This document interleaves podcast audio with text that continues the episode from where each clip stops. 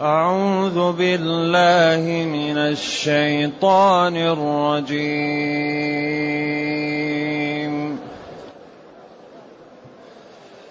أفرأيت من اتخذ إلهه هواه وأضله الله على علم وأضله الله على علم وختم على سمعه وقلبه وختم على سمعه وقلبه وجعل على بصره غشاوه فمن يهديه من بعد الله أفلا تذكرون وقالوا ما هي إلا حياتنا الدنيا نموت ونحيا. وما يهلكنا إلا الدهر. وما لهم بذلك من علم ان هم الا يظنون واذا تتلى عليهم اياتنا بينات واذا تتلى عليهم اياتنا بينات ما كان حجتهم ما كان حجتهم الا ان قالوا ائتوا بابائنا ان كنتم إن كنتم صادقين. قل الله يحييكم ثم يميتكم ثم يجمعكم ثم يجمعكم إلى يوم القيامة لا ريب فيه. لا ريب فيه ولكن أكثر الناس لا يعلمون.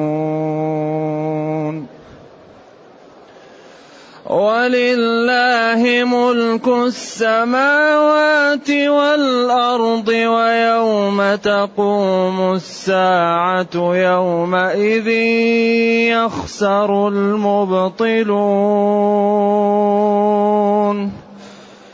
وترى كل أمة جاثية وترى كل أمة جاثية كل أمة تدعى. وترى كل أمة جاثية اقرأ الآية شوف. أيوه. وترى كل أمة جاثية كل أمة تدعى إلى كتابها. كل أمة تدعى إلى كتابها. اليوم تجزون ما كنتم تعملون.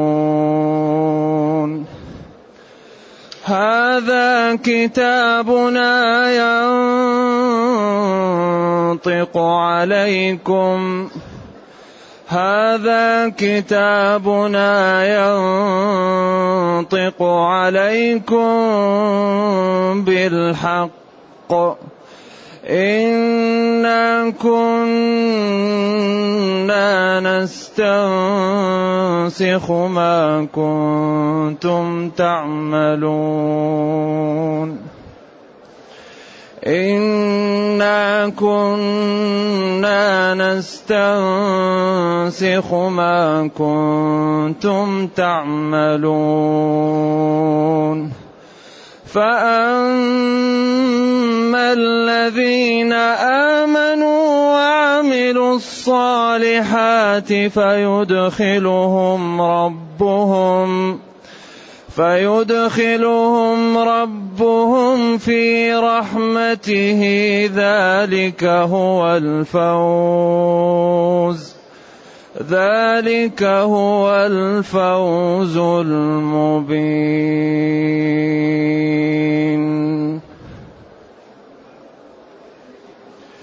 واما الذين كفروا أفلم تكن آياتي تتلى عليكم فاستكبرتم أفلم تكن آياتي تتلى عليكم فاستكبرتم وكنتم قوما مجرمين. الحمد لله الذي أنزل إلينا أشمل الكتاب وأرسل إلينا أفضل الرسل وجعلنا خير أمة أخرجت للناس. فله الحمد وله الشكر على هذه النعم العظيمة والآلاء الجسيمة.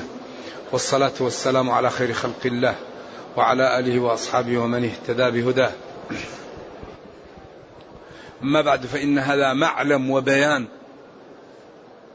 وبرهان وأدلة واضحة. أفرأيت يا نبي من اتخذ إلهه هواه؟ أخبرني وتعجب ممن يجعل معبوده ما يهواه من اتخذ إلهه هواه. ما يهواه يعبد هذا أقوى شيء في الآية. لذلك يجد حجر أجمل من الحجر الذي كان يعبد يتركه ويأخذ الثاني. يكون يشتهي شيء يشتهي غيره يعبده. هواه هو معبوده. ولذلك وآفة العقل ماذا؟ الهوى. وآفة العقل الهوى. فمن على على هواه عقله فقد نجا. قال تعالى ونهى النفس عن الهوى.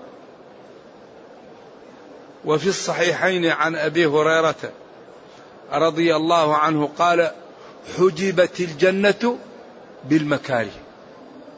حجبت الجنة بالمكاره وحجبت النار بالشهوات. قال العلماء من اقتحم حجبات المكاره دخل الجنة. صام نهاره قام ليله غض بصره كف لسانه بر بوالديه أكرم جيرانه ترك الربا وترك النجش وترك الشبه. بذل من وقته وجاهه وماله لدينه ولأمته. كلها مكاره. اقتحم حجبات المكاره دخل الجنة. ومن اقتحم حجبات الشهوات دخل جهنم. نظر كما يحلو له تكلم كما يحلو له نام كما يحلو له مشى كما يحلو له أكل كما يريد شرب كما يريد.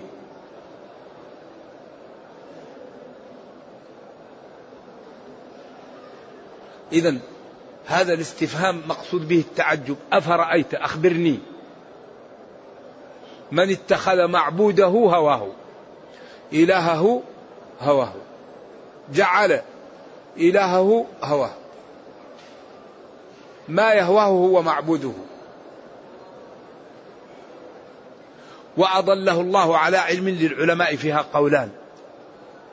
قول أضله الله على علم بأنه ضال ولكنه حب الشهوات وترك ما جاءته الرسل به والحجج والبراهين ورغب شهواته ومحابه عما يحب الله وما حرم عليه فضل وهو يعلم أن ما يفعله خطأ لأن ربه حرمه عليه.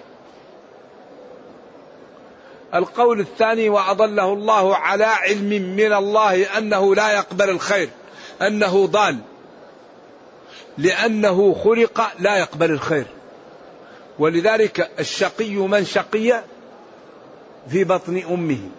لما ينفخ ينفخ فيه الملك الروح يكتب هل شقي أو سعيد. فأضله الله على علم من الله تعالى أنه لا يقبل الخير. ولذلك لو رد الكفار إلى الدنيا ما لا لعادوا لما نهوا عنه. ولو ردوا لعادوا لما نهوا عنه. لأنهم خلقوا قلوبهم لا تقبل الخير. نرجو الله السلام والعافية. وهذا الذي كان يخيف كبار الصحابة والتابعين وأتباعهم والأئمة كل ما كثر علم الإنسان كثر خوفه من الخاتمة من السابقة. ما الذي كتب له في اللوح المحفوظ؟ يقول الذهبي في سير أعلام النبلاء أن الإمام سفيان الثوري لما كبرت سنه كان يكثر البكاء. فقيل له من جلسائه يا إمام أنت على خير ما الذي يبكيك؟ قال أنا لا أخاف من ذنوبي. قيل له ومما تخاف قال نخاف أن يؤخذ إيماني قبل أن نموت. نخاف أن ينزع مني الإيمان قبل الموت. لذلك ينبغي للمسلم أن يخاف ويسأل الله التثبيت ويبتعد عن موارد العطب. لا يسخر من الدين لا يسخر من أهل الدين لا يسخر من الشريعة لا يسخر من العبادة لا يحتقر خلق الله. لا يتهت يتهتك كل أمتي معافى إلا المجاهرين. من أتى شيئا من هذه القاذورات فليستتر بستر الله. أما الذي يتبجح بالمعاصي هذا على خطر.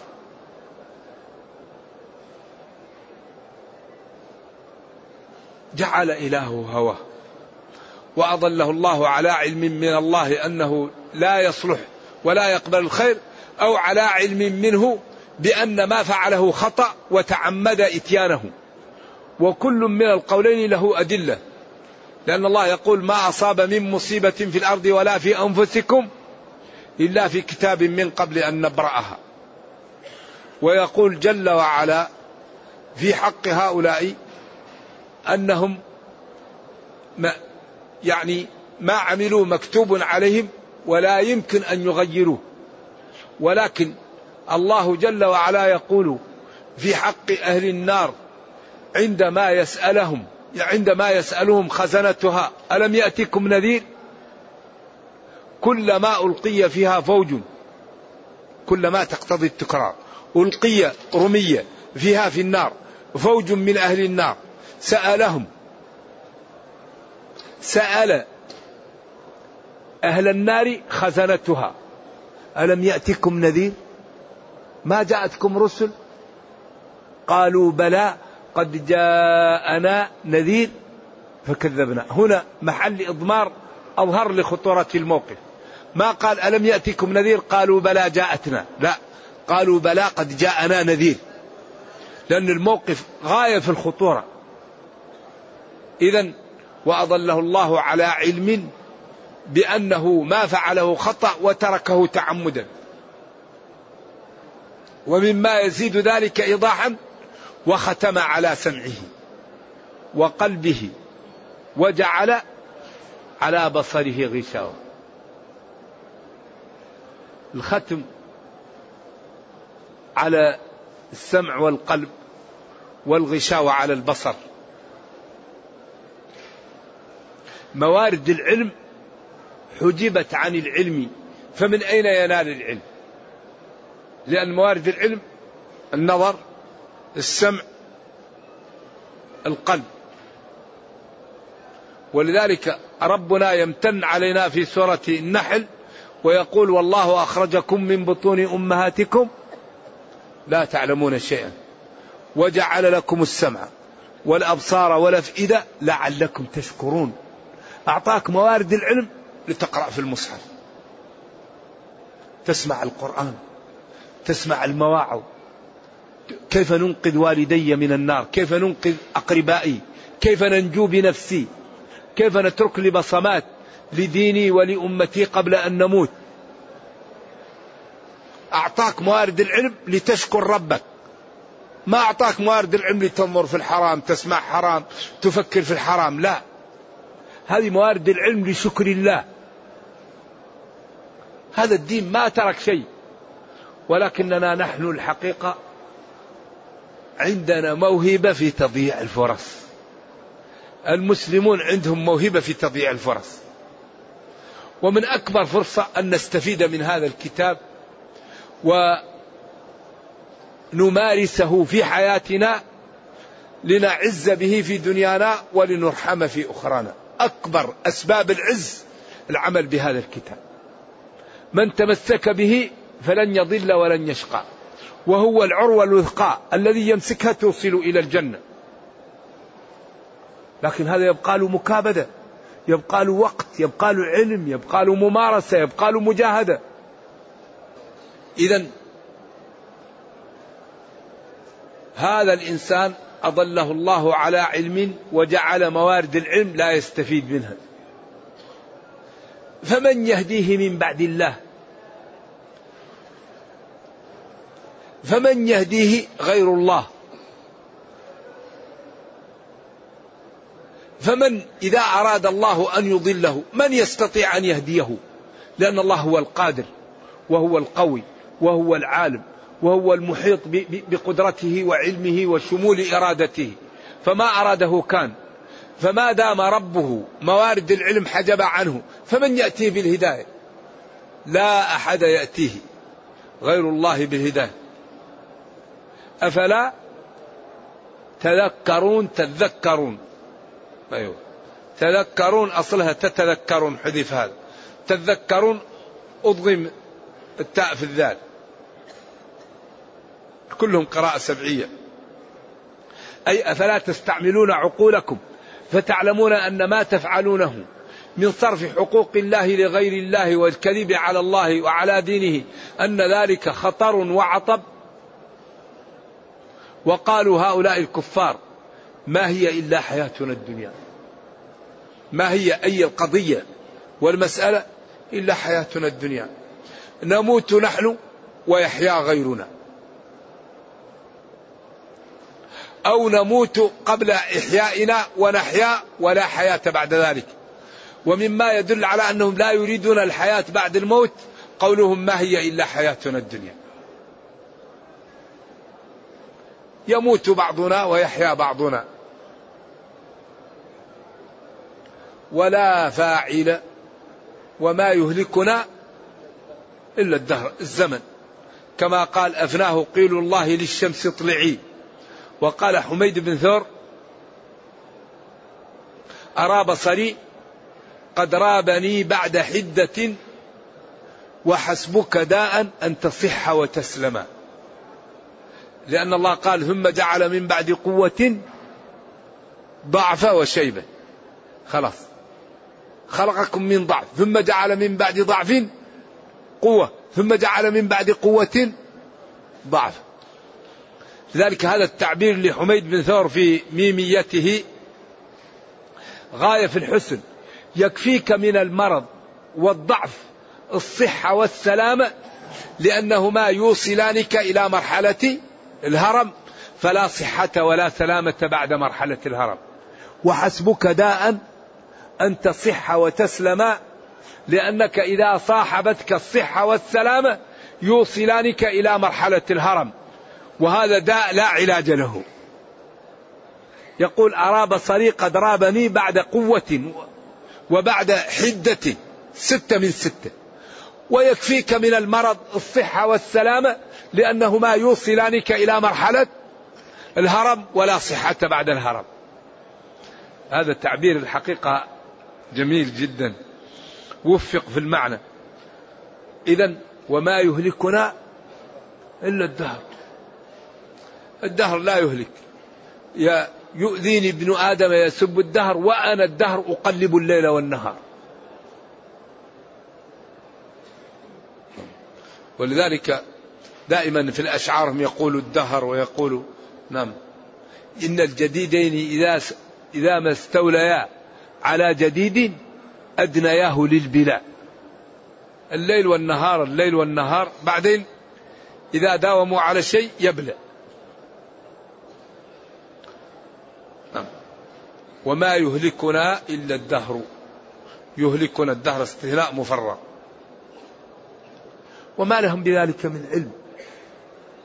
ليس لهم دليل ولا برهان على أن الذي يهلكهم الدار وإنما هو تخرص. أما الذي يهلك ويحيي ويعز ويذل هو الله وهو الذي أتى بالدهر وأتى بالسماوات والأرض والليل والنهار وأعز وأذل وأحيا وأمات وأغنى وأفقر. وبين ذلك ودلل عليه. وبين أنه لا يخلق إلا الله. وأن الخلق لو اجتمعوا على أن يخلقوا بعوضة لا يستطيعون. لن يخلقوا ذبابا ولو اجتمعوا له ما يستطيعوا. أهل الأرض لا يستطيعوا أن يخلقوا كائن لو اجتمعوا لكن يستطيعوا أن يخرجوا خلية ويلقحوها ويضعوها في جو فتنبت لكن هم يأتوا بخلية من أنفسهم ما يستطيعون. لكن يأتوا بالخلية ويلقحوها وبعدين يعطوها في جو تنبت. زي البذرة يوضع عليها الماء. لكن هل يأتوا ببذرة؟ يمكن واحد منهم ينتج بذرة؟ ما يمكن تنتج إلا من الله. ولذلك فلينظر الإنسان إلى طعامه. هذا أمر للوجوب. أنا صببنا الماء صبا ثم شققنا الأرض شقا. ليش؟ من قال للأخضر أطلع فوق ومن قال للعروق أنزلي تحت. ما يملك هذا إلا الله. ولذلك الخلق من خصائص الربوبية. أفمن يخلق؟ كمن لا يخلق. اعبدوا ربكم الذي خلق. يخلقكم في بطون أمهاتكم. خلقا من بعد خلق في ظلمات ثلاث ذلكم الله ربكم له الملك لا إله إلا هو. فأنا تصرفون. أين تذهب العقول عن هذه القدرة وهذه الأدلة التي هي أوضح من الشمس؟ ما لهم بذلك من علم إنهم إلا يظنون يكذبون توهمون قولهم ما يهلكنا إلا الدهر كذب. يهلكهم الله. والله إذا أراد أن الإنسان يعيش يعيش. وإذا أراد أن يموت طفل وإذا أراد ما أراده كان. ولذلك إنما أمرنا لشيء إذا أردناه أن نقول له كن فيكون. لذلك من الجنون أن يعصى الله. من الجنون أن لا يطاع الله من الجنون أن لا يعبد الله من الجنون أن يت... يستهتر العاقل بأوامر الله فيعطلها يستهتر بنواهي الله فينتهكها هذا جنون. وأنت يا عبد ينبغي أن تعلم ما الذي تريد وت... وتحدد غرضك. وتتعامل مع من خلقك على ما أراد ربك. ربك أراد منك أمور فامشي على ما أراد منك وما أردت يعطيه لك. لأنه لا يخلف الميعاد وقال أوفوا بعهدي أوفي بعهدكم. أوفوا بعهدي أوفي بعهدي. ما الذي نريد؟ العزة عند الله الغنى عند الله العقل عند الله العافية عند الله. السعادة عند الله. ما الذي تريد؟ أمشي مع الطريقة المرسومة لك. وما أردته يعطيه لك ربك. ولكن الإنسان عجول. الإنسان هلوع. الإنسان ظلوم. الإنسان جهول. بين له ووضح له وأكرم وأعطي ما لم يعطى. أحد من الناس. ولكنه قليل من عبادية الشكور. وإذا تتلى على هؤلاء كفار قريش آياتنا آيات الله من القرآن ومما جاء فيه ومن السنة قالوا لم يكن حجتهم وبرهانهم الذي يستدلون به إلا قولهم ائتوا بآبائنا إن كنتم صادقين. قال لهم خافوا وهذه الحياة بعدها موت والموت بعدها بعث والبعث بعد عزة وبعد ذلة وبعد كرامة وبعد إهانة وبعد أهوال لا يعلمها إلا الله. فبادروا قالوا طيب أتونا بآبائنا. ما كان حجتهم؟ ما كان حجتهم؟ إلا أن قالوا ائتوا بآبائنا. كانت الحجة قولهم. ائتوا بآبائنا.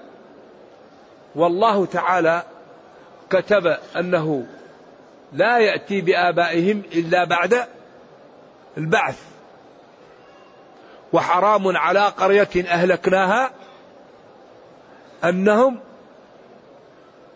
يرجعون للدنيا قبل البعث. فإنسان مات لا يرجع للدنيا. هكذا. ولكن الله تعالى ضرب الأمثال للعقلاء وأتاهم بالحجج. فقال لهم من يحيي العظام وهي رميم؟ قال قل يحييها الذي أنشأها أول مرة.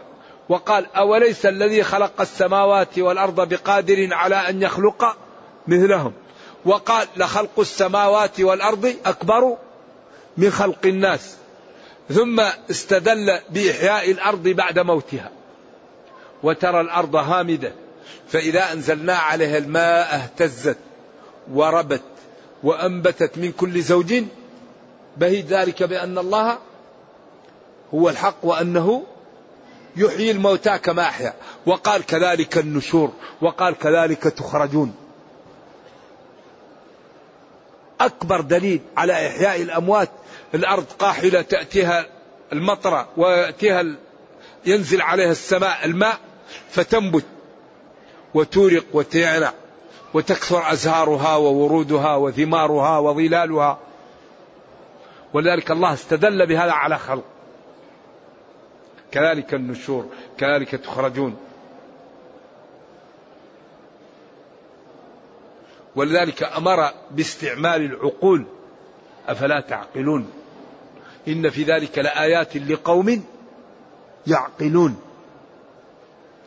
ذلك أكبر رد على الملحدين آية الرعد. آية الرعد عجيبة. لأن الآن في بعض العلوم إذا درسها الإنسان ولم ينتبه كل شيء يعلل حتى لا يكون في خالق. علل بعدين يعلل يعلل يعلل حتى يكون الكون هو اللي أوجد الدهر الطبيعة. ولذلك أحاطهم بإحاطة تجعل الإنسان يعلم أن لا بد فيه فاعل مختار. قال جل وعلا وفي الأرض قطع متجاورات. لا تنس قول الله متجاورات. ثم قال تسقى بماء واحد. لا تنس قوله تسقى بماء واحد. وفي الأرض قطع متجاورات. وجنات من أعناب وزرع ونخيل. صنوان وغير صنوان تسقى بماء واحد. تسقى بماء واحد. بعدين ونفضل بعضها على بعض في الأكل في الطعم. الأكل أي في الطعم. طيب من أين جاء التفضيل. الماء واحد والأرض واحدة لأنها متجاورة. وهذا حتى لا يقولون هذا الماء جيد وهذا الماء فيه بلاء ما هو جيد. أو هذه الأرض طينة جيدة للنبات وهذه الأرض سبخة لا قال الماء واحد والأرض واحدة. طيب من أين جاء التفضيل؟ طبعا الماء واحد والأرض واحد وحتما المناخ واحد لأنه متجاور. طيب من أين جاء التفضيل؟ ثم قال في نهاية إن في ذلك لآيات لقوم يعقلون. هذا أكبر رد على الملحدين. إذا هناك فاعل مختار هو الذي يجعل بعض الثمار مر وبعضها حلو وبعضها أخضر وبعضها أصفر وبعضها أحمر وبعضها في الربيع وبعضها في الخريف. من أين جاء التفضيل؟ والماء واحد والأرض واحدة. لكن هذا يحتاج أصحاب العقول. لذلك هذا الدين لا يقاوم. الإسلام لا يقاوم إلا بأحد أمرين. ديننا يقاوم بأحد أمرين. أول أن يجهل المسلمون. المسلم لا يعرف الدين ولا يقرأه. ولذلك من جهل شيئا عاده الأمر الثاني أن يمنع المسلم من أن يبين الدين. يقال له لا تتكلم ولا تبين اسكت. أما إذا فهم المسلم الدين وبينه لا يقاوم. لأن كل قضية في الإسلام محلولة. أصول الاقتصاد أصول الإدارة أصول التربية أصول الطب أصول كل شيء موجود في هذا الكتاب. هذا ليس عاطفة وليس مبالغة. الله يقول ومن أصدق من الله قيلا؟ يقول مخاطبا لنبيه ونزلنا عليك الكتاب تبيانا لكل شيء تبيانا لكل شيء. كيف ما تكون عندنا مراكز عملاقة لبيان ما نحتاجه من كتاب ربنا. أمة الإسلام لماذا لا يكون فيه مراكز ولها فروع في كل محل؟ للاستفادة من القرآن في الإدارة في التربية في التعليم في الأخلاق في الاقتصاد في كل شيء. أي مشكلة نرجع للكتاب نحلها منه. لكن أمة الإسلام عندها موهبة في تضييع الفرص. المسلمون كل ما جاءتهم فرصة يضيعوها.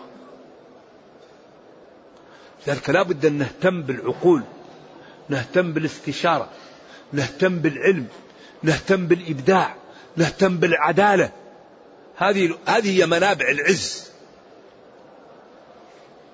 موارد العز أول شيء نهتم بالعلم. لأن كل مشكلة سببها الجهل.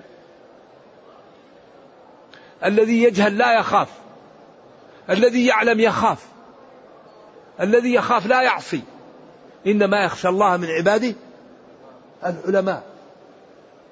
لذلك تجد أن المسلمين لا يبذلون في العلم.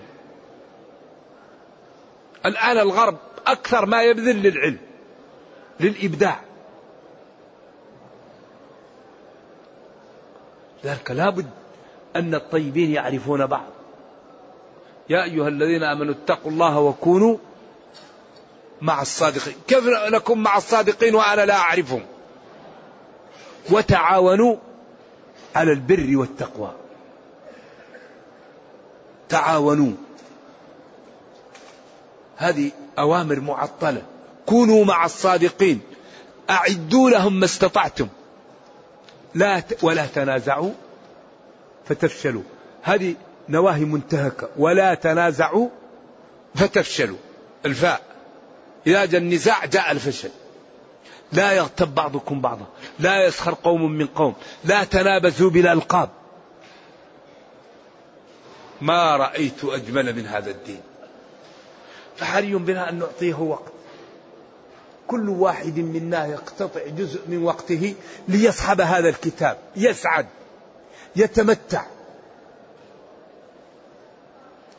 يعرف كيف ينام. كيف يصلي. كيف يتعامل مع الناس.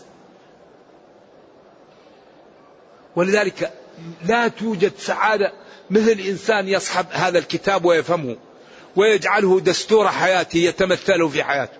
صاحبه يسعد في الدنيا ويرحم في الأخرى والله يحميه. لأنه من أولياء الله ومن عادى لله وليا فقد آذنه بالحرب. وإذا تتلى على هؤلاء الكفار آيات الله وحذف الفاعل لأن الذي يتلوها ما هو المقصود؟ المقصود سماع هذه الآيات. لم تكن لهم حجة إلا قولهم أتونا بآبائنا الذين ماتوا.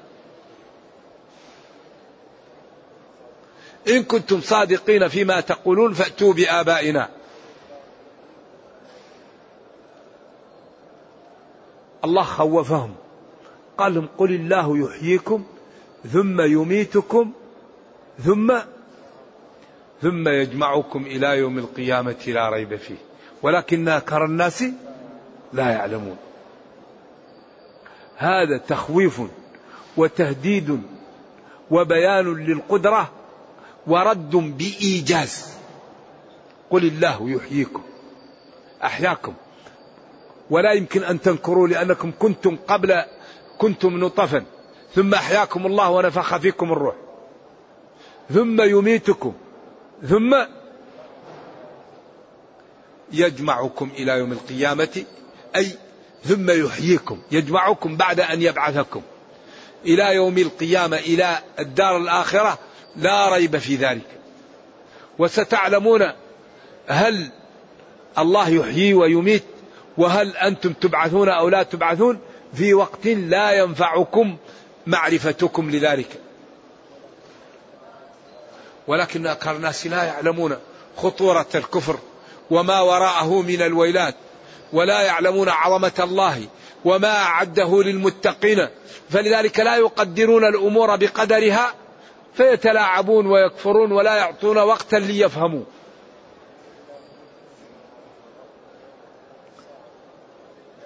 ولله جل وعلا ملك السماوات والأرض.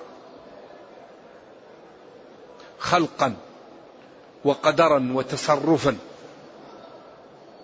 ويوم تقوم الساعة يومئذ ينقص المبطلون يخسر المبطلون الكافرون الظالمون الضالون. يخسرون ينقصون حظوظهم بعدم إيمانهم وتركهم اتباع الرسل. والخسارة في اللغة أن يتاجر الإنسان ويجد رأس ماله نقص. ويوم تقوم الساعة ينقص المسلمون حظوظهم لأنهم لا يجدون إلا النار أمامهم. ها؟ ينقص الكافرون. لا. ويوم تقوم الساعة يخسر المبطلون أي الكافرون أي ينقصون حظوظهم ولا يجدون شيئا. ولذلك الخاسرون الذين خسروا أنفسهم وأهليهم يوم القيامة. أيوة. ويوم تقوم الساعة يخسر المبطلون أي الكافرون. وترى في ذلك اليوم كل أمة جاثية. الجثو هو يعني الاعتماد على الركب وأن تجابي. ولم تمكن إليتيك من الأرض. متحفز لتقوم. وهي طريقة تدل على أن صاحبها منزعج وملهوف وفي حالة غير مريحة. أيوة على الركب جاثية على ركبها. لشدة الهول والخوف والانزعاج. كل أمة كل جماعة جاثية. كل أمة تدعى إلى كتابها. إلى كتابها فيها قولان أي تدعى إلى التوراة والإنجيل والقرآن أو تدعى إلى كتابها إلى صحيفتها كما قال وكل إنسان ألزمناه طائره في عنقه ونخرج له يوم القيامة كتابا يلقاه منشورا اقرأ كتابك. لا يظلم أحد يوم القيامة. كل أمة تدعى إلى كتابها اليوم يوم القيامة. تجزون ما كنتم تعملون. تجزون الذي كنتم تعملونه أو تجزون عملكم. ما موصولية أو مصدرية. تجزون عملكم أو الذي كنتم تعملونه. هذا القرآن. كتابنا. ينطق عليكم بالحق. أو هذا كتابنا اللوح المحفوظ. مكتوب فيه ما تعملون. ينطق عليكم بالحق. أو هذا كتابنا صحائف أعمالكم. ينطق عليكم بالحق أي بعملكم. لذلك قال لما لا؟ إنا كنا نستنسخ ما كنتم تعملون. ما يلفظ من قول إلا لديه رقيب عتيد. بالله عليكم هل بعد هذا عذر؟ هل بعد هذا عذر؟ هل بعد هذا واحد يضيع الصلاة ويضيع الصوم ويضيع الواجب ويعق الوالدين ويؤذي الجيران ويضيع الأولاد ويرابي وينجش وينمم ويوقع نفسه في الهلكة؟ إنا كنا نستنسخ ما كنتم تعملون. إذا يا أحب البدار البدار البدار. لا زلنا لا زال عندنا فسحة. الحسنة بعشر أمثالها ومن تاب تاب الله عليه. كل واحد يفتح صفحة جديدة. الوضع في غاية الخطورة. الذي لا ينتبه يورط بعدين بين النهاية. فأما الذين آمنوا وعملوا الصالحات فيدخلهم ربهم في رحمته. ذلك هو الفوز المبين. وأما الذين كفروا أفلم تكن آياتي تتلى عليكم فاستكبرتم وكنتم قوما مجرمين. وهذا ثقل الجملة هنا. هذا ثقل الجملة لأن هذا السورة بدأت تنتهي فأتى بثقلها هنا. إذا أما الذين آمنوا وعملوا الصالحات فيدخلهم ربهم في رحمته. بفضله ثم بأعمالهم. وأما الذين كفروا أفلم تكن آياتي تتلى عليكم؟ حجج.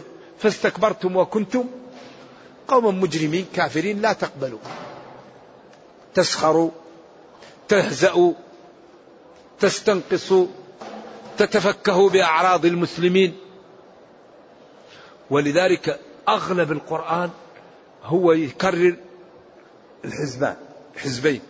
فريق في الجنة وفريق في السعير.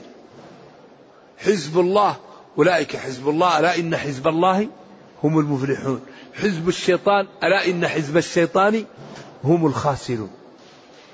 مثل الفريقين كالأعمى والأصم والبصير والسميع. للذين أحسنوا الحسنى والذين كسبوا السيئات جزاء سيئة. فكل واحد ينظر لنفسه ما الذي يريد ويخطط للنجاة. وربنا كريم. ولا يضيع أجر من أحسن عملا. ومن اضطر يسامح. ومن نام يسامح. ومن نسي يسامح. ومن تاب يسامح. والواحد بعشر والسيئة بواحدة. ولا يهلك على الله إلا هالك. فالبدار البدار. اللهم أرنا الحق حقا. وارزقنا اتباعه. وأرنا الباطل باطلا. وارزقنا اجتنابه. ولا تجعل الأمر ملتبسا علينا فنضل. اللهم ربنا اغفر لنا ذنوبنا كلها دقها وجلها أولها وآخرها علانيتها وسرها. اللهم ربنا آتنا في الدنيا حسنة وفي الآخرة حسنة وقنا عذاب النار. اللهم اختم بالسعادة آجالنا واقرم بالعافية غدونا وآصالنا واجعل إلى جنتك مصيرنا ومآلنا يا أرحم الراحمين. سبحان ربك رب العزة عما يصفون وسلام على المرسلين والحمد لله رب العالمين وصلى الله وسلم وبارك على نبينا محمد وعلى آله وصحبه والسلام عليكم ورحمة الله وبركاته.